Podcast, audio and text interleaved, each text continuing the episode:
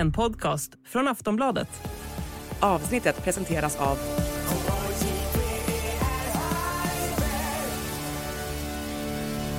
Stödlinjen.se, åldersgräns 18 år.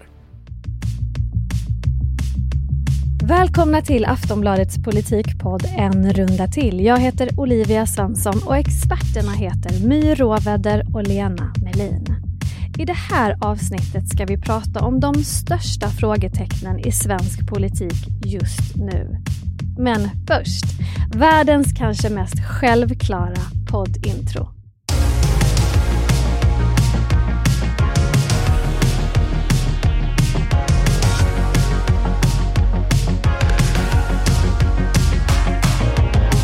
Hej Lena och My! Hej! Gjorde ni något kul i helgen som gick? Om ni kommer ihåg helgen ens en gång? Ja, jag tittar på partiledardebatten i SVT. Uh, Det var den kul. kommer vi att marinera, Lena. Vad, vad gjorde du med? Jag tillbringade en helg med min bästis. Det var också väldigt trevligt. Åh, fint. Och tittade på debatten. Och tittade på debatten. Ja, det gjorde vi alla. Jag kan berätta lite vad finansminister Elisabeth Svantesson hittade på. Hon la nämligen ut en bild på Instagram i söndags där hon var utomhus i naturen och så bar hon solglasögon och så hade hon skrivit då som caption Idag har jag gjort absolut ingenting. Är det möjligtvis lite fel signaler att sända ut när man är finansminister i så här tuffa ekonomiska tider? Jag tror att om man gillar Elisabeth Svantesson, då tycker man att hon var värd det. Mm. Är man däremot en motståndare till Elisabeth Svantesson så tycker man att du skulle suttit instängd på rummet och pluggat tabeller Precis. hela dagen. Jag tänker om de bara kunde bestämma sig om det här är privata konton eller professionella konton de har i sociala medier.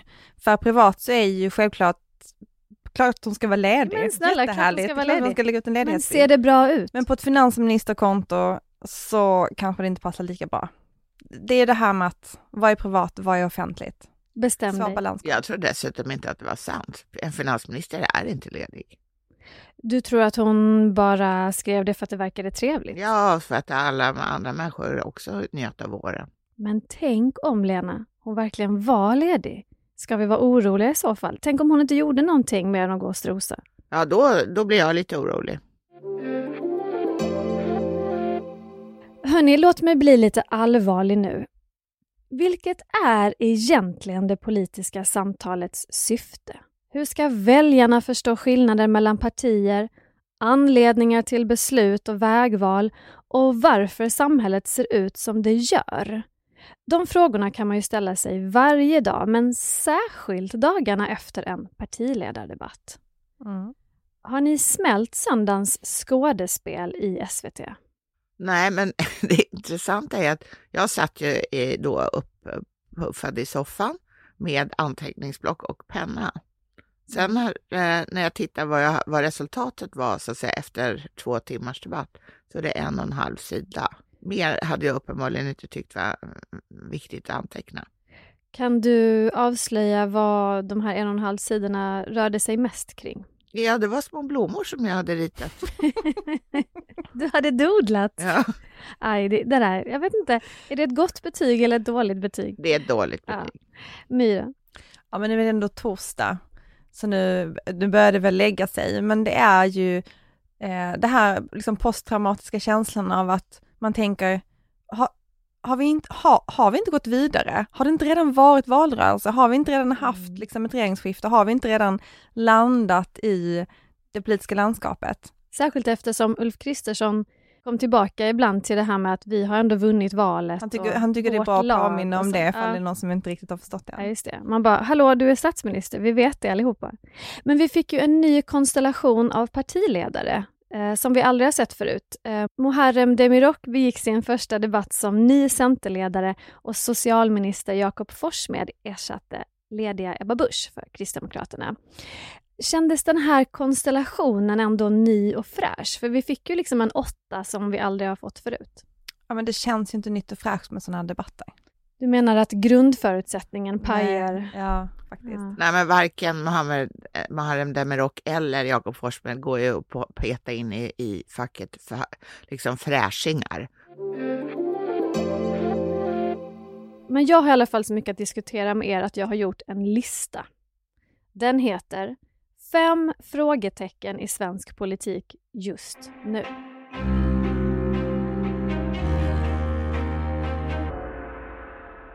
Och då börjar vi med plats nummer ett. Kristdemokraterna ligger under riksdagsspärren i två färska mätningar. Det är SR och TV4. Även i Aftonbladet Demoskops mätning för maj så låg de risigt till. Men som vi nyss påpekade så fattades ju Ebba Busch under söndagens debatt och ersattes av partikollegan Jakob Forssmed. Varför, My? Hon är på semester med sina barn. Det är väl det vi vet. Sen spekuleras det ju vilt om var semestern är, vilken sorts semester det är och så vidare. För de har, det finns ju väldigt lite information om vad det egentligen är som pågår. Ja, alltså Bushs ledighet sammanföll då inte bara med den här debatten utan om jag förstår saken rätt också med någon slags slutförhandling av reduktionsplikten. Och i veckan så kom det kritik från Finanspolitiska rådet som anser att de här elstöden har varit för omfattande, de har inte hanterats bra. Så jag förstår att folk behöver semester, jag är den första som förstår det. Men våren är ju ändå full av lov och röda dagar, så jag undrar liksom, hur är den här tajmingen för frånvaron? Alltså man får en känsla av att de vill hålla sig borta. För att det är klart att i partiledardebatten hade hon ju fått jättemycket kritik för det här. E, e, inte bara för elstödet utan alla möjliga missar som hon har gjort under sina snart, snart sju månader vid, vid, som energiminister. Och det hade ju inte någon låtit bli att påpeka. Sen, eh, sen hade det här med Finanspolitiska rådet, där kanske hon inte kunde veta att det skulle komma kritik men kanske kunde befara. Eh, Sen måste jag lägga till att hon hade ju faktiskt en väldigt kort julledighet. Eh, bara dag, dagen eller två dagar före julafton så presenterade hon nya eh, besked om elstödet. Och eh, det gjorde hon också precis dag, eh, dagen efter eh, nyårshelgen. Då kom det ytterligare besked. Eh, så hennes sicksackande har säkert tagit, på tvär, tagit rejält på krafterna. Ja, och jag tycker verkligen att folk ska få vara lediga när de har pressade jobb, även de. Men äh, igår så meddelade Järvaveckan på sin Instagram att Jakob Forssmed kommer att hålla tal där eh, och alltså ersätta Ebba Busch även då. Och då väcks ju ändå någon form av konspirationsapparat i en. Vad tyder det här på My? Ja, men det vi är på väg mot är väl att hon måste och Kristdemokraterna måste berätta vad det här handlar om. För om det, hade, om det hade funnits all information, då hade ju man inte spekulerat på det här sättet. Då hade ju inte heller hennes position kanske försvagats på det här sättet. Eh, nu, nu, vet ju inte jag exakt vad som har hänt, men om vi skulle säga, ponera, att det handlar om en person som är väldigt pressad och måste ha en semester för att, liksom, för att klara av att fortsätta arbeta på den här, i den här takten. Då hade ju alla förstått det då hade ju inte hennes 100%. position försvagats. Vad som händer nu är att man spekulerar kring hennes position i partiet, man spekulerar kring om det är så att hon kanske inte sitter kvar som partiledare så länge, om vi det handlar om avgång, vi, vi pratar om det, många pratar om det. Så att det fattas ju information och det viktigaste i den här typen av situation är ju alltid att, att ge info. Alltså om man, är, om man vet vad som händer så blir det inte, så rasar det inte iväg på de här sätten. Och det verkar oklart dessutom när hon ska komma tillbaka med tanke på eh, den här eh, inställda medverkan i Järvaveckan. Den kan ju bero på att hon tycker att Järvaveckan är ett skitevenemang och hon har inte tid, har ingen lust att lägga ner tid på det. Men frågetecknen hopar sig efter varandra. Eh, och då måste man ju, precis som My säger, då måste man berätta vad det handlar om. Men jag tror att eh, hon vill inte det. För hon, om, det är, om det svaret är så enkelt som att jag är slutkörd, jag måste få ligga på en solstol i skuggan i två veckor och dricka iskallt vatten med, med citronskivor i, så äh, tror jag att en människa som Ebba Busch äh, tycker att det är ett sånt svaghetstecken så hon har ingen lust att berätta det. Jag tycker det skickar ut en ganska tråkig bild av oss som samhälle också, för man måste ju också kunna få säga att man behöver en paus. Och då är vi ju Om tillbaka... det är det som är grejen. det är det som är grejen, det vet, det vet vi inte. inte. Nej. Nej. alltså det är det som är så himla frustrerande. Mm. Och i den här situationen som Kristdemokraterna är, de har haft stora konf liksom konflikter internt under våren. Mycket stora. De har, håller på att försöka göra någon slags omläggning till den nya mjuka KD för att man har fått panik efter valanalysen av att man har tappat sina kärnväljare. Eh, man har en partiledare som är helt slutkörd och som har stått för större delen av kritiken som har kommit mot den här nya regeringen. Och där det nu börjar spekuleras om hennes position inom partiet. Det har varit bråkigt, alltså under hela den här, alltså även under hösten. Då måste man ju gå ut och liksom positionera sig och Men det är ju väldigt, kan... ja det är väldigt svaghetstecken att fortsätta då att hålla sig undan. Det kan vara för sent, för redan igår i Sveriges Radio spekulerade de i vem som skulle komma efter henne. Ja. Och då, då har man ju fått liksom väldigt svag lera under fötterna, mm, där man verkligen. riskerar att sjunka ner i. Många har ju pratat om att Jakob Forssmed i söndags visade hur ett mjukare KD kan se ut. Jag kommer nu att citera DNs ledarskribent Susanna Nyström. På söndagen tog mjukis-KD ytterligare ett steg när en av deras främsta företrädare slog sig in i tv-sofforna och nyanserade bilden av partiet.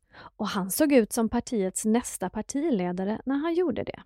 Intressant. Och frågan till er är om nu folk såg någonting bra i det här med att Jakob Forssmed lyfte, liksom, hade lite varmare framtoning, då undrar jag varför har de inte värnat den värmen tidigare? Sen Alf Svenssons tid? Ja, men därför att Ebba Busch inte har velat det såklart. Och varför har hon inte det? Är det ett felbeslut? Ja. Men om jag får säga en sak där med Jakob Forssmed, det är ju inte så att Jakob Forssmed och Ebba Busch inte kan finnas i partitoppen samtidigt. Alltså de har ju gjort det i fler, i under hela hennes partiledartid så har man ju, har de ju liksom ändå funnits i toppen. De kan ju dela på det här, alltså mjuka mm. KD och det här hårda KD, det är kanske lite svårt att vara samtidigt. Men de här två personerna och deras profiler, de kan ju finnas inom partiet. Ett parti är ju bredare än just liksom den här stora gatan där man ska ha eh, kommunikationen. Så att eh, Fast KD är ett väldigt litet parti. Har de verkligen samma förmåga att hålla två personer kokande på det där viset? Ja men det tror jag, det måste man göra. Det är ju partier som inte kan det, är ju en svaghet. Eh, mm. det har vi pratat om mycket med Centerpartiet till exempel, att det blir, det blir mycket svagare om man inte kan odla flera personer samtidigt. Och sen så tror jag att det finns ju en strategi här att lyfta fram det här nya mjuka KD och den har ju Jakob Forssmed, han har ju redan den profilen men han har ju också, vet ju också om den här eh, strategin så det är klart att han eh, försöker understryka det också, eh, eh, delvis för att det passar honom.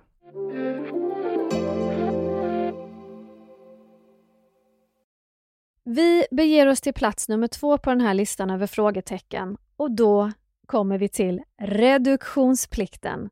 Ett ord så sexigt att man måste duscha efter att ha yppat det. Det är, det är alltså mm, hettan man känner. Ja. Det handlar alltså om den lag som tvingar företag som säljer bensin och diesel att minska utsläppen av fossila bränslen genom att blanda ut bensinen och dieseln med förnybara och syntetiska bränslen. Också jättesexigt. Eh, men Tidöpartierna släppte en nyhet angående reduktionsplikten samma dag som den här debatten ägde rum, alltså i söndags. Och hävdar nu att det ska bli 5,50 kronor billigare per liter diesel att tanka redan 2024. Men det här räkneexemplet har sått några frön av tvivel, Lena. Är kommunikationen kring det här missvisande? Ledande ja, men, fråga. Alltså det, ja, nej, men det är ju så dumt så eh, faktum är att riksdagen sätter inte priserna. Det, det gör marknaden. Och marknaden består i hög, när det gäller diesel och bensin, består av råvaran, det vill säga råolja och den består också i hur man betalar den, det vill säga i, i svenskt, för svenskt vidkommande i svenska kronor. Och eh, medan man köper den här oljan i dollar och vår eh, valutakurs är usel, hur de här två grejerna ser ut, vad råvaran kostar och hur dollarpriset är jämfört med svenska kronan den 1 januari 2024 när det här prisfallet ska inträffa enligt, enligt de här fyra partierna, är ingen som vet. Och det är löjligt att påstå något annat. Och då frågar jag dig, hur hade man behövt göra istället i sin kommunikation kring reduktionsplikten om man vill sänka den? Ja, dessutom ska man ju sluta att ljuga. Eh, Ja, för att det här, det här är räkneexemplet som de då för fram, det vill säga 5,50 för dieseln, en minskning. Det bygger på att det som har hänt i år aldrig har hänt. Nämligen att den här reduktionsplikten har pausats. Det har man så att säga räknat bort. Det är, alltså det, det, det är ett sånt sammelsurium av, av idiotier. Så att jag, jag blir, nu blir jag tvungen snart att duscha för jag blir så varm. Eh, men men eh, jag skulle vilja säga, den som lever får se. Vi kollar vad det kostar första januari 2024. I Vi vet att du kommer vara den första som sitter du, med jag kommer din att stå där. Jag kommer att, vara, jag kommer att liksom eh, vänta in det nya året på en bensinmack. Duscha med lite bensin kanske. Men My, vad ska man säga? Ja men alltså, det är ju inte optimalt att lova någonting som så många enskilda personer kan och kommer att syna. Alltså det här räkneexemplet.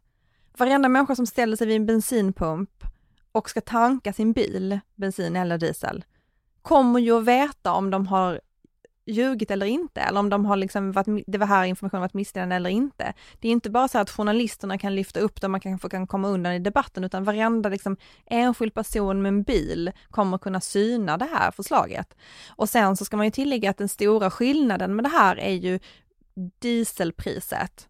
Det är ju då inte så många som har en dieselbil, om vi pratar liksom privatpersoner, bilister, utan de flesta kör en bensinbil och där är ju alla överens att till och med så att regeringen har fått erkänna att där kommer inte bli så stor skillnad på priset för att där är reduktionsplikten redan låg så att den sänkningen kommer bli ganska liten. De pratar ören, så de flesta människor kommer ju ändå stå vid den här pumpen och inte märka någon skillnad alls på grund av reduktionsplikten. Sen kan ju som sagt, som Lena säger, annat påverkar priset.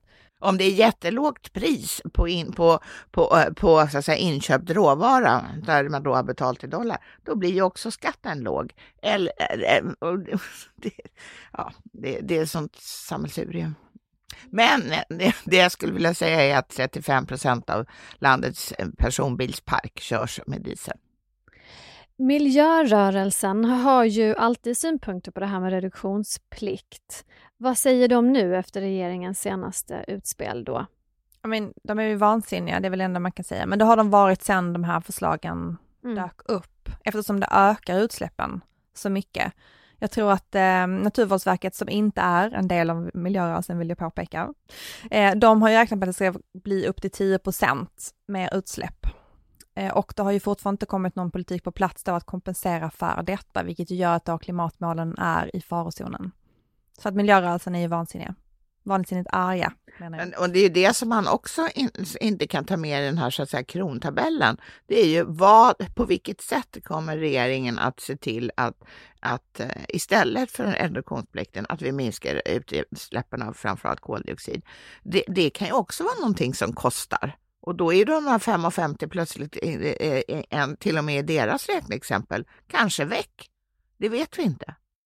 Jag tänker med det här räkneexemplet, jag tror att de bara har letat efter någonting som kunde få fram en siffra som de hade lovat i valrörelsen.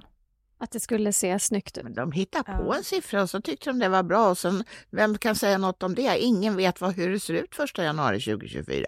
Jag skulle kunna säga att ja, nej, men sänkningen blir 8 kronor, kolla mig. Jag kan också påstå något, det här är, bara, det här är faktiskt hokus pokus. Plats nummer tre. Om man ska välja en ordväxling som kommer att leva kvar i våra medvetanden länge efter söndagens debatt så får det nog bli den här skrivit i Tidöavtalet att det är armlängds avstånd som gäller och det är väl ungefär så här långt. Så, att, eh, så, så kan man ju inte låta bli att Jimmy Åkesson tycker massa om saker eller att jag tycker massa saker om det är snyggt eller fult. Men jag ska inte påverka det. Det är bibliotekarien där är som ju- ska göra. Ärligt talat Johan Persson, vi, vi, vi är överens om den principen, absolut. Armlängd, eller hur? Ja, absolut. Men det måste ju finnas gränser för det här, tycker jag. Och min- Jo, men du kan ju inte bli upprörd. Alltså, jag förstår Jo, ja. inte det här liksom, att det är en dragqueen. Liksom, hur osäker kan man vara? Vad tror du ska hända? Vi kan väl Vad gå jag- dit vad, vad ska hända Nej, men om det är jag- igen, vi kan väl gå dit, men vad är problemet att om biblioteket har fått ett anslag och biblioteket bjuder in dem eller så är det två fågelskådare eller vad det kan nu som ska berätta något. Liksom, Mm. Bli inte så himla nervös av det. Jag är liksom. inte ett dugg nervös. Jag... Ja, vi, vad handlar det här om egentligen? Ja, men jag tyckte Johan Persson sammanfattade det ganska bra ändå. Det handlar om att Jimmy Åkesson på senaste tiden har tyckt väldigt mycket om det här Drag Story Hour, som är drag queen som läser sagor för barn på bibliotek. Eh, och det har ju då upprört delar av Sverigedemokraterna och blivit en del av debatten, alltså kulturdebatten. Och då pratar de, som de pratar om här, om armlängds avstånd, som är ju då att politiken inte ska lägga sig i kulturen och kulturutövandet. Inte heller den delen som handlar om offentligt finansierad kultur, tycker de flesta partier. Där står Sverigedemokraterna vid sidan av. Som vi hörde här så tycker Jimmy också att det måste finnas kulturen ska vara fri inom vissa gränser. Just det. Men alltså han ger ju sken av att det uppspelas, alltså spelas upp ett dra äh, dragshow på de här biblioteken för de här små barnen det, som då har masat sig dit för att lyssna på en saga. Det, vad jag fattar så är det ju alltså någon som läser en saga Ja, och visst. är möjligtvis utklädd då enligt något drag queen recept, inte vet jag. Men det är väl Precis. kanske, alltså jag säger, jag säger som Johan Persson, vi går dit och kollar. Ja, det Ihop. låter ju faktiskt som Ja. det mest rimliga alternativet. Ja. Och det är ju heller inte en obligatorisk närvaro på den här typen av events, utan det här är någonting som föräldrar frivilligt tar sina barn till. Eh, så att, och, och det var väl också det som har varit, var också diskussionen här att, ja men gå inte dit då, om du känner dig upprörd. Det lät verkligen som att Johan Persson var Jimmy Åkessons lärare. Vad är du så rädd för? Vi kan väl gå dit ihop? Men, men alltså, Jimmy Åkesson är ju arg över att det används offentliga medel till det här. Eh, eh, och så, så oavsett om publiken dyker upp eller inte så tycker han att det är fel. Men hans uppfattning som han ger uttryck för är ju att, alltså att det är en, en föreställning, en dragshow som spel, uppspelas på, på biblioteken och det gör de ju inte, det är ju fel.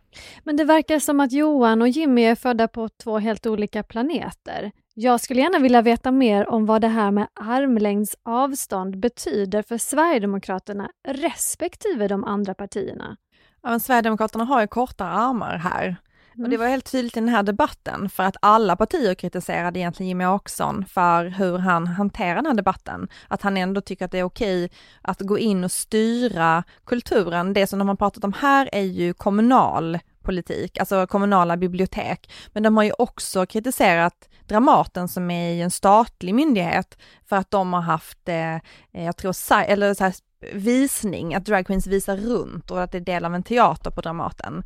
Eh, och de tycker ju då att det är skillnad på om kulturen är finansierad av offentliga medel eller om den är finansierad, alltså om det bara är vanlig fri kultur. Men de andra partierna håller inte med där. De tycker, det, det sa ju eh, eh, Ulf Kristersson också i den här debatten. Det fanns ju liksom någon slags indirekt kritik här mot Sverigedemokraterna, att även kommunpolitiker ska inte lägga sig i det här. Och Johan Persson sa det också att om en bibliotekarie vill ta in Drag Story Hour så ska bibliotekarien göra det, ta det beslutet. Det ska inte politiker sen kunna gå in och styra. Men Miljöpartiet har väl också haft en annorlunda syn på det här med armlängds avstånd, om jag förstår saken rätt. Ja men det har ju funnits kritik för det här förut och då, det kom ju en eh, rapport eller en översyn av kulturpolitisk styrning för några år sedan.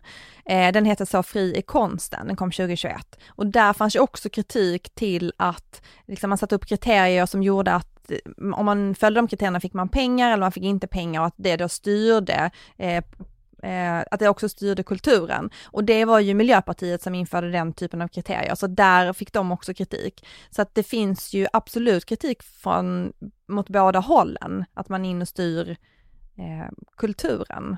Eh, och sen så tror jag att när det kommer till kulturpolitiken så är det ju alltid en, liksom en fråga om, alltså det blandas ju alltid ihop vad som är politik och vad är kultur. Alltså vad är smak? Mm och vad är förvaltning? Det är ju alltid en debatt när det kommer till kulturpolitiken. Så fick vi som tittare och väljare ut någonting av den här specifika kulturdebatten som vi fick se i söndags? Vad tycker du Lena? Absolut inte. Men jag tror att Jimmie Åkesson tyckte det var jättekul att få säga vinhora 32 gånger. Mm, det upprepade han Mm. många gånger. Det gjorde han, har gjort i andra sammanhang också, så han är väldigt förtjust i det här ordet. Ja, verkligen. Det var fem gånger i den här debatten, jag vet inte hur många gånger han sa det i Ekots lördagsintervju, kanske 20 Varför gånger. har han fått en hang Skamlös vinhora. Ja, Men jag, jag tänkte så här, borde man inte bara ta alla typer av artistnamn och översätta? Jag tror att det var någon som hade gjort det på Twitter också, så översatt hans band. Adorable Children. Kan de läsa sagor? liksom översättningar inte alltid blir 100%. Men en sak som jag ändå bär med mig, det var ju att Jimmy Åkesson på något konstigt sätt um, jämförde drag queens som läser sagor med, eller likställde med nazister som läste sagor. Ja, det var lite av en vändning i debatten. Ja, det var en vändning och jag tror, jag, jag tänker att det var liksom perspektivet att testa toleransen, men det som rådde mig var att hela världen har fått memot att så fort du börjar tänka på att du ska ta nazister som exempel så ska du backa. Men Jimmy Mm. Åkesson hade inte fått det memot. Att det är liksom aldrig en bra, ett bra exempel Aldrig. att ta nazister. Plats nummer fyra. Ulf Kristersson och Magdalena Andersson hade en duell om skatter under söndagens debatt. Du väljer att prioritera dig själv och andra höginkomsttagare före vanligt folk. Det går ju inte att förneka. Låt oss reda ut den här skattefrågan. Vi har alltså ett skattesystem i Sverige där vi låter bli att höja skatten med inflationen varje år. Så har det varit länge. Så har ni också gjort. Det är det normala. Av samma skäl som vi höjer bidragen vid hög inflation. Vi kommer aldrig på det sättet som du nu prioriterar att skydda höginkomsttagarna genom den här krisen. Både med de omfattande skattesänkningarna i kronor blir det ju 50 000 mindre i skatt för dig nästa år än vad det är. Eh, Jag tyckte att den här duellen blev lite obegriplig faktiskt och då undrar jag om jag är dum eller om det är Magdalena och Ulf som surrar lite i nattmössorna. För jag tyckte det var svårt att hänga med i vad det faktiskt är som händer med de här skatterna och vad, hur de ska sänkas och för vem och varför. Ja, men de kanske inte surrade i nattmässan, men de var ju väldigt in, inte pedagogiska när de pratade om det. Magdalena Andersson var arg därför att Ulf Kristersson hade fått sänkt skatt i år med 10 000 kronor och, eh, eh, och det berodde på ett förslag från regeringen. Eh, men sen, ble, sen så sa hon att det skulle bli ännu mer nästa år. Eh, 40 000 kronor skulle Ulf Kristersson få ytterligare i skattesänkning. Det är bara det att igen så är inte Magdalena Andersson är inte synsk. Alltså vet inte hon vad regeringen kommer att föreslå i sin budgetproposition som kommer i september. Hon har ingen aning, men hon påstod det. Och, de, och Ulf Kristersson av någon underlig anledning sa inte emot. Han, sa, han liksom svalde den här verklighetsbeskrivningen. Jättekonstigt. För det finns någonting som heter indexering om jag har förstått det här med skatter rätt. Är det där vi har hamnat nu, att vi ska behöva förstå det här med indexering My? Ja men det handlar ju om att på grund av inflationen så ökas prisbasbeloppet och det påverkar eh, skatten. Då får man betala mindre skatt om man är höginkomsttagare. Det är alltså de som tjänar över 60 000 tror jag som får mer pengar på grund av den här indexeringen. En annan sak som var svår att förstå tyckte jag i den här debatten, det var ju då att Ulf Kristersson sen sa, ska du höja skatterna? Mm, och det kunde inte heller Magdalena svara på. Nej, och för då handlade det också om så här, eller och ska fler betala statlig skatt? Och så pratade han om det här med sjuksköterskor och poliser. Eh, och det var ju också lite svårt att hänga med i, men då är det ju också så här, höja skatterna är ju då ifall man ska flytta brytpunkten för när man betalar statlig skatt. Och eftersom det är då... Men det är det som är den så kallade indexeringen, det är Ja. den flyttningen. Ja. Ja, Mm. och det är då, alltså det handlar ju om alla som tjänar över 50 000 egentligen. Så om man pratar om poliser och sjuksköterskor så är det ju inte jättemånga som tjänar över 50 000. Utan jag var tvungen att kolla upp för medellönen för poliser är det 37 000 kronor i månaden och för sjuksköterskor 39 500 i landet. Varför använder man sig just av den räkne... Ja men för att det låter bra. Men det är ju liksom helt, det är ju väldigt, jag förstår inte varför man har den här debatten mellan oppositionsledaren och statsministern, för att den är helt obegriplig. Det finns, måste finnas andra saker som betyder någonting för människor när det kommer till ekonomi, som de kunde debatterat. Tydlighet är viktigt i politiken. Det kan vi väl ändå kom, slå fast. Absolut. Plats nummer fem.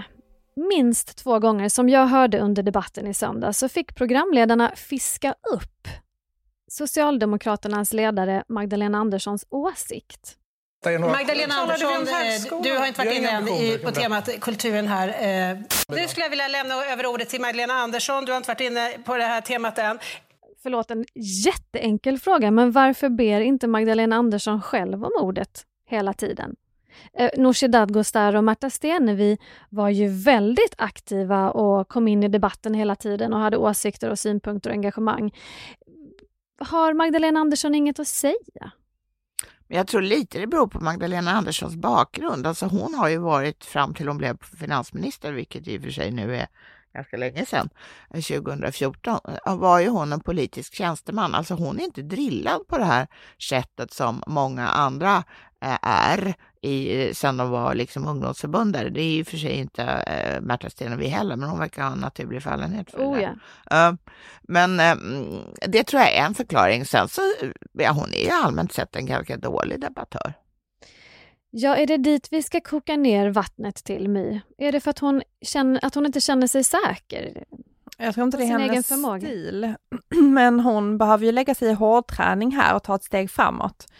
Alltså som opposition så är ju inte det här statsmannamässiga hela tiden till ens fördel. Det här med liksom nej, hon är oppositionsledare Ja, nu. nej men hon behöver liksom hårdtränas här. Och eh, en slutsats som nästan alla de nuvarande oppositionspartierna har dragit efter valet, det var ju att den här populistiska eh, touchen som eh, nu regeringspartierna hade, att man liksom var ganska aggressiva i sin Viftade framtoning, man viftade med olika saker. Att de inte kunde hänga på det och de ville inte bli populister, men de kan, kunde inte heller matcha den här debatten. Och det är någonstans däremellan som man behöver hitta sig själv om man är oppositionsledare. Att man inte tar ansvar för allting hela tiden, utan att man också är lite skrikig. Men så här skrev Aftonbladets kolumnist Peter Kadhammar om Magdalena Anderssons insats i söndags. Vi såg en socialdemokratisk ledare som rimligen får högre opinionssiffror ju tystare hon är. Tyvärr duger det inte att vara tyst i två långa timmar även om Andersson nog skulle tjäna på det. Det tycker jag är ett intressant resonemang. Är hon tyst för att hon tänker att det, hon inte behöver prata? Det går bra för sossarna ändå? Nej, det tror jag inte. Alltså hon var, gjorde ju det där misstaget i nästan alla partiledardebatter inför valet också, där, där så att säga, programledaren eh, eller debattledaren var tvungen att, att liksom locka in henne i diskussionen. Jag, jag, tror att det beror på att hon inte tycker att hon kanske har något eh, att säga och i, i fallet i söndag så hade hon ju inte heller svar på en del frågor så då kan då, som, som Ulf Kristersson ställde till henne. Men jag är närmast Ja. chockerad över det här, förlåt men det skakar mig i mina grundvalar. Om man är oppositionsledare och ledare för Sveriges största parti, har man då inte så mycket brännande ämnen, eh, förslag, åsikter, synpunkter, talepunkter? Är det inte då man ska bara trycka ut och visa på alternativet? Absolut, men, eh, men hon, det, det gjorde hon inte någon gång. Jag, jag håller med dig Olivia, det, borde, det Tack. tycker man att det borde ingå. Men till exempel när Ulf Kristersson gick på i, i, i den här eh, gamla, stil, eh, eller gamla spåren som man hade från före valet, nämligen att vi har, vi har ett alternativ, det har inte ni. Och därför är vi mycket bättre. Vi har ett samlat alternativ och det har inte ni. Och eh, så, skulle, så kunde hon ju ha sagt att vad spelar det för roll? Vi är liksom en, eh, jag behöver inte ha något alternativ. Jag är opposition. Tack så mycket. Precis, nu har hon en annan roll. Ja, gå hem och lägg dig, kunde hon ha sagt. Det gjorde hon inte. Nej. Däremot så sa hon till Johan Persson att han skulle vara tyst. Ja, Det var kanske inte så bra. nej. Även Johan Persson måste få säga sitt. Ja, men Och speciellt så länge som Magdalena Andersson inte gör anspråk på talartid så, så är det väl bra att någon fyller ut. Oh, nu har jag inget mer på min lista, men jag känner mig mentalt utmattad. Vilken av de här fem frågetecknen som vi har pratat om nu tycker ni luktar mest allvar? Jag tror att Kristdemokraterna har en akut kris att hantera. Eh, men om vi skulle, det är den akuta krisen, men långsiktigt ska jag säga att Socialdemokraterna har ett problem här. Eh, de måste ju, för det första måste de ta fram politik som hon kan prata om. De har ju inte riktigt det. Och nu så ska de då ta fram det här, de ska göra sin nya analys och ta fram ny politik, men det kommer ju ta lång tid. I den, liksom, i den mellantiden kan man ju inte bara stå där och inte kunna svara på någonting. Man måste ju vara mer aktiv än så. Så jag tror att långsiktigt är det de som har det största problemet här. Alltså jag måste säga att jag tycker hela, svensk, hela det svenska politiska fältet har jätteproblem. Och det, det gäller innehållet i politiken och det gäller företrädarna. De är bleka, de är dåliga, de eh, borde vara otroligt mycket bättre. Och det här sättet att behandla väljarna genom att ständigt stå blå dunster i deras ögon är ett sätt som borde överges omedelbums.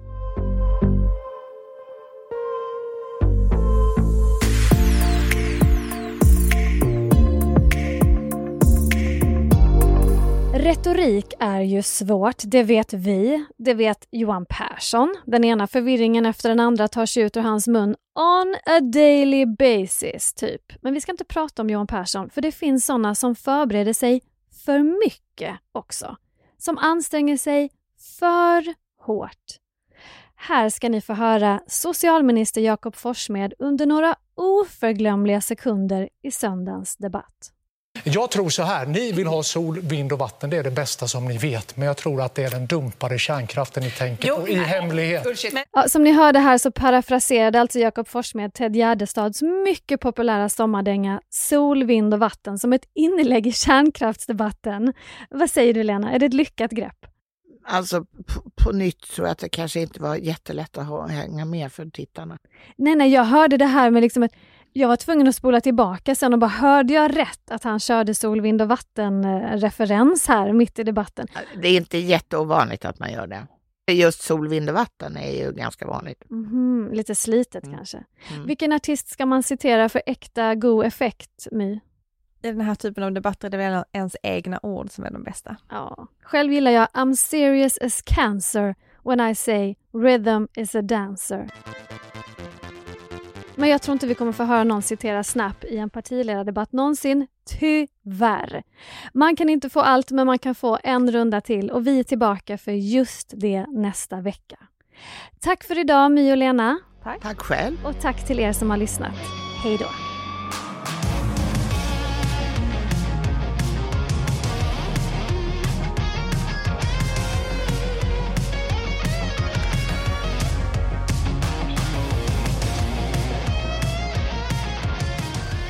Du har lyssnat på en podcast från Aftonbladet. Ansvarig utgivare är Lena K Samuelsson.